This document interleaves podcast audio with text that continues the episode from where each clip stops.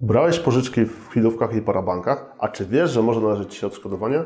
O tym opowiem w dzisiejszym odcinku.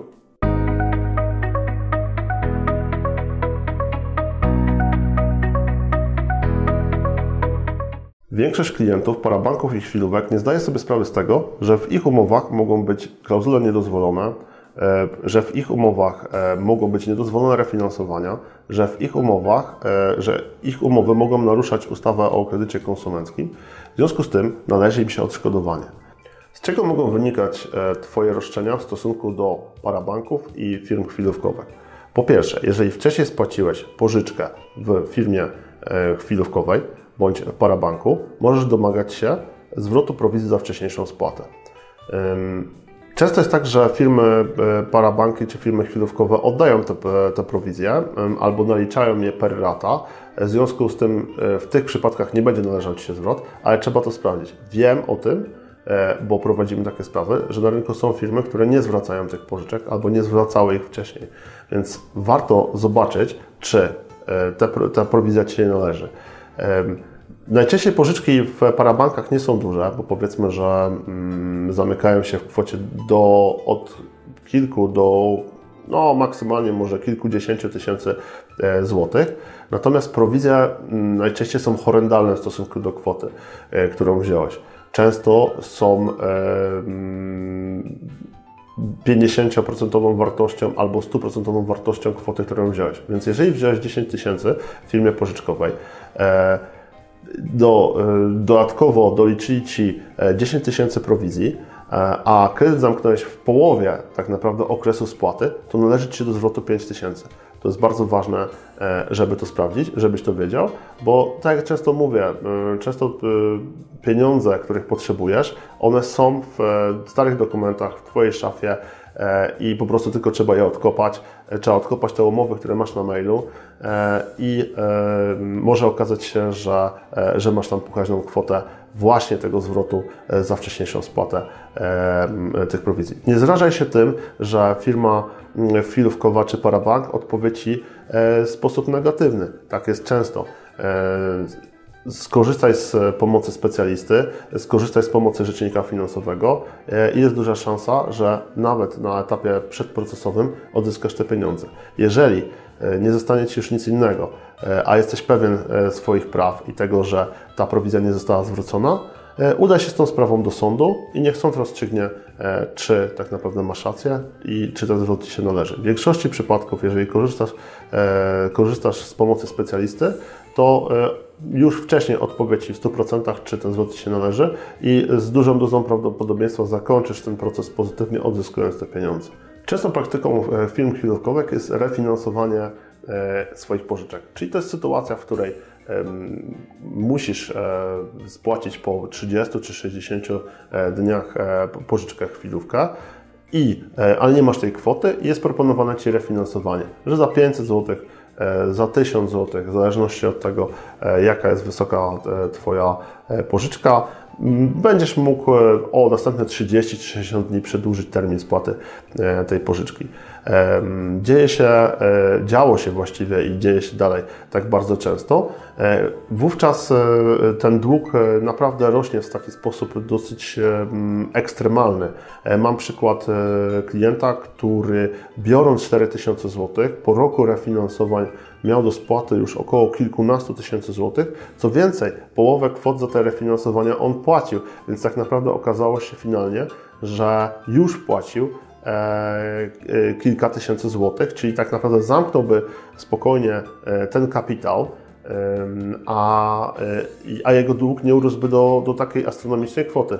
E, finalnie e, to, co wpłacił i te, te zobowiązania, które miał e, w tej firmie chwilówkowej, przekraczały 14 tysięcy złotych po roku, gdzie tak naprawdę jedyną kwotą, którą dostał, była ta kwota początkowa 4 tysiące złotych. I teraz tak, Często jest tak, że te refinansowania są płacone i wpadamy właśnie w taką spiralę zobowiązań. E, nie jesteśmy w stanie wysupłać 5 czy 6 tysięcy złotych, żeby zamknąć to od razu, więc płacimy po te 700-800 złotych. Te kwoty e, się gdzieś tam odkładają. Finalnie e, zdarza się, że no w końcu ktoś podejmuje decyzję na przykład o konsolidacji takich zobowiązań, chce się już rozstać z tymi firmami chwilówkowymi, spłacić jak najszybciej i temat zamknąć. E, spłaca e, te zobowiązania i wówczas sprawę zamyka. Okazuje się, jeżeli taka sprawa trafia do nas do, do analizy, okazuje się, że on za pożyczkę, którą wziął w wysokości 4000 zł, często zapłacił kilkanaście tysięcy złotych, na przykład załóżmy 14, tak? Te 10 tysięcy, które z, e, wynikają z refinansowań po, po roku czy po dwóch latach takiego refinansowania, bo oczywiście to się musi nazbierać, to jest właśnie ta kwota, o którą możemy iść e, do sądu, e, którą e, te refinansowania uważamy za, za niezgodne z prawem, no i często sądy przyznają nam rację. Więc jeżeli miałeś taką sytuację, to warto się nad tym zastanowić, bo to są kwoty, które możesz realnie odzyskać. Następną kwestią, na którą warto, żeby zwrócił uwagę, jest fakt, czy ta umowa w ogóle, którą zawarłeś, jest ważna, czy nie. E, Pewnie nie będziesz sam z tego w stanie ocenić, będzie pewnie musiał to zrobić specjalista, ale jeżeli Twoja umowa jest nieważna, to tak naprawdę w momencie nieważności umowy strony zwracają sobie to, co sobie świadczyły. Czyli e, jeżeli wziąłeś pożyczkę, która była obarczona bardzo wysokimi kosztami, tak? Załóżmy, mm, wziąłeś 10 tysięcy, em, dodatkowe koszty, w sumie 25 tysięcy, spłaciłeś tą pożyczkę, a dochodzi, dochodzi do sytuacji, w której e, stwierdzasz e, i oczywiście dochodzisz tego prawa w sądzie, e, stwierdzasz, że ta umowa jest nieważna i tak stwierdza sąd, to tak naprawdę strony muszą sobie zwrócić to, co sobie świadczyły. Czyli Ty dostałeś pierwotnie 10 tysięcy, płaciłeś 25, 15 tysięcy to jest Twoje roszczenie, które możesz odzyskać e, właśnie ze względu na nieważność. Jak sprawdzić, czy Twoja umowa jest nieważna? No tutaj będziesz musiał się posiłkować e, specjalistą mm, z za- z zakresu właśnie e, prawa finansowego, analizy umów podmiotów finansowych i on będzie w stanie Ci powiedzieć, czy rzeczywiście tutaj ta umowa ma takie znamiona nieważności i z jakiego powodu.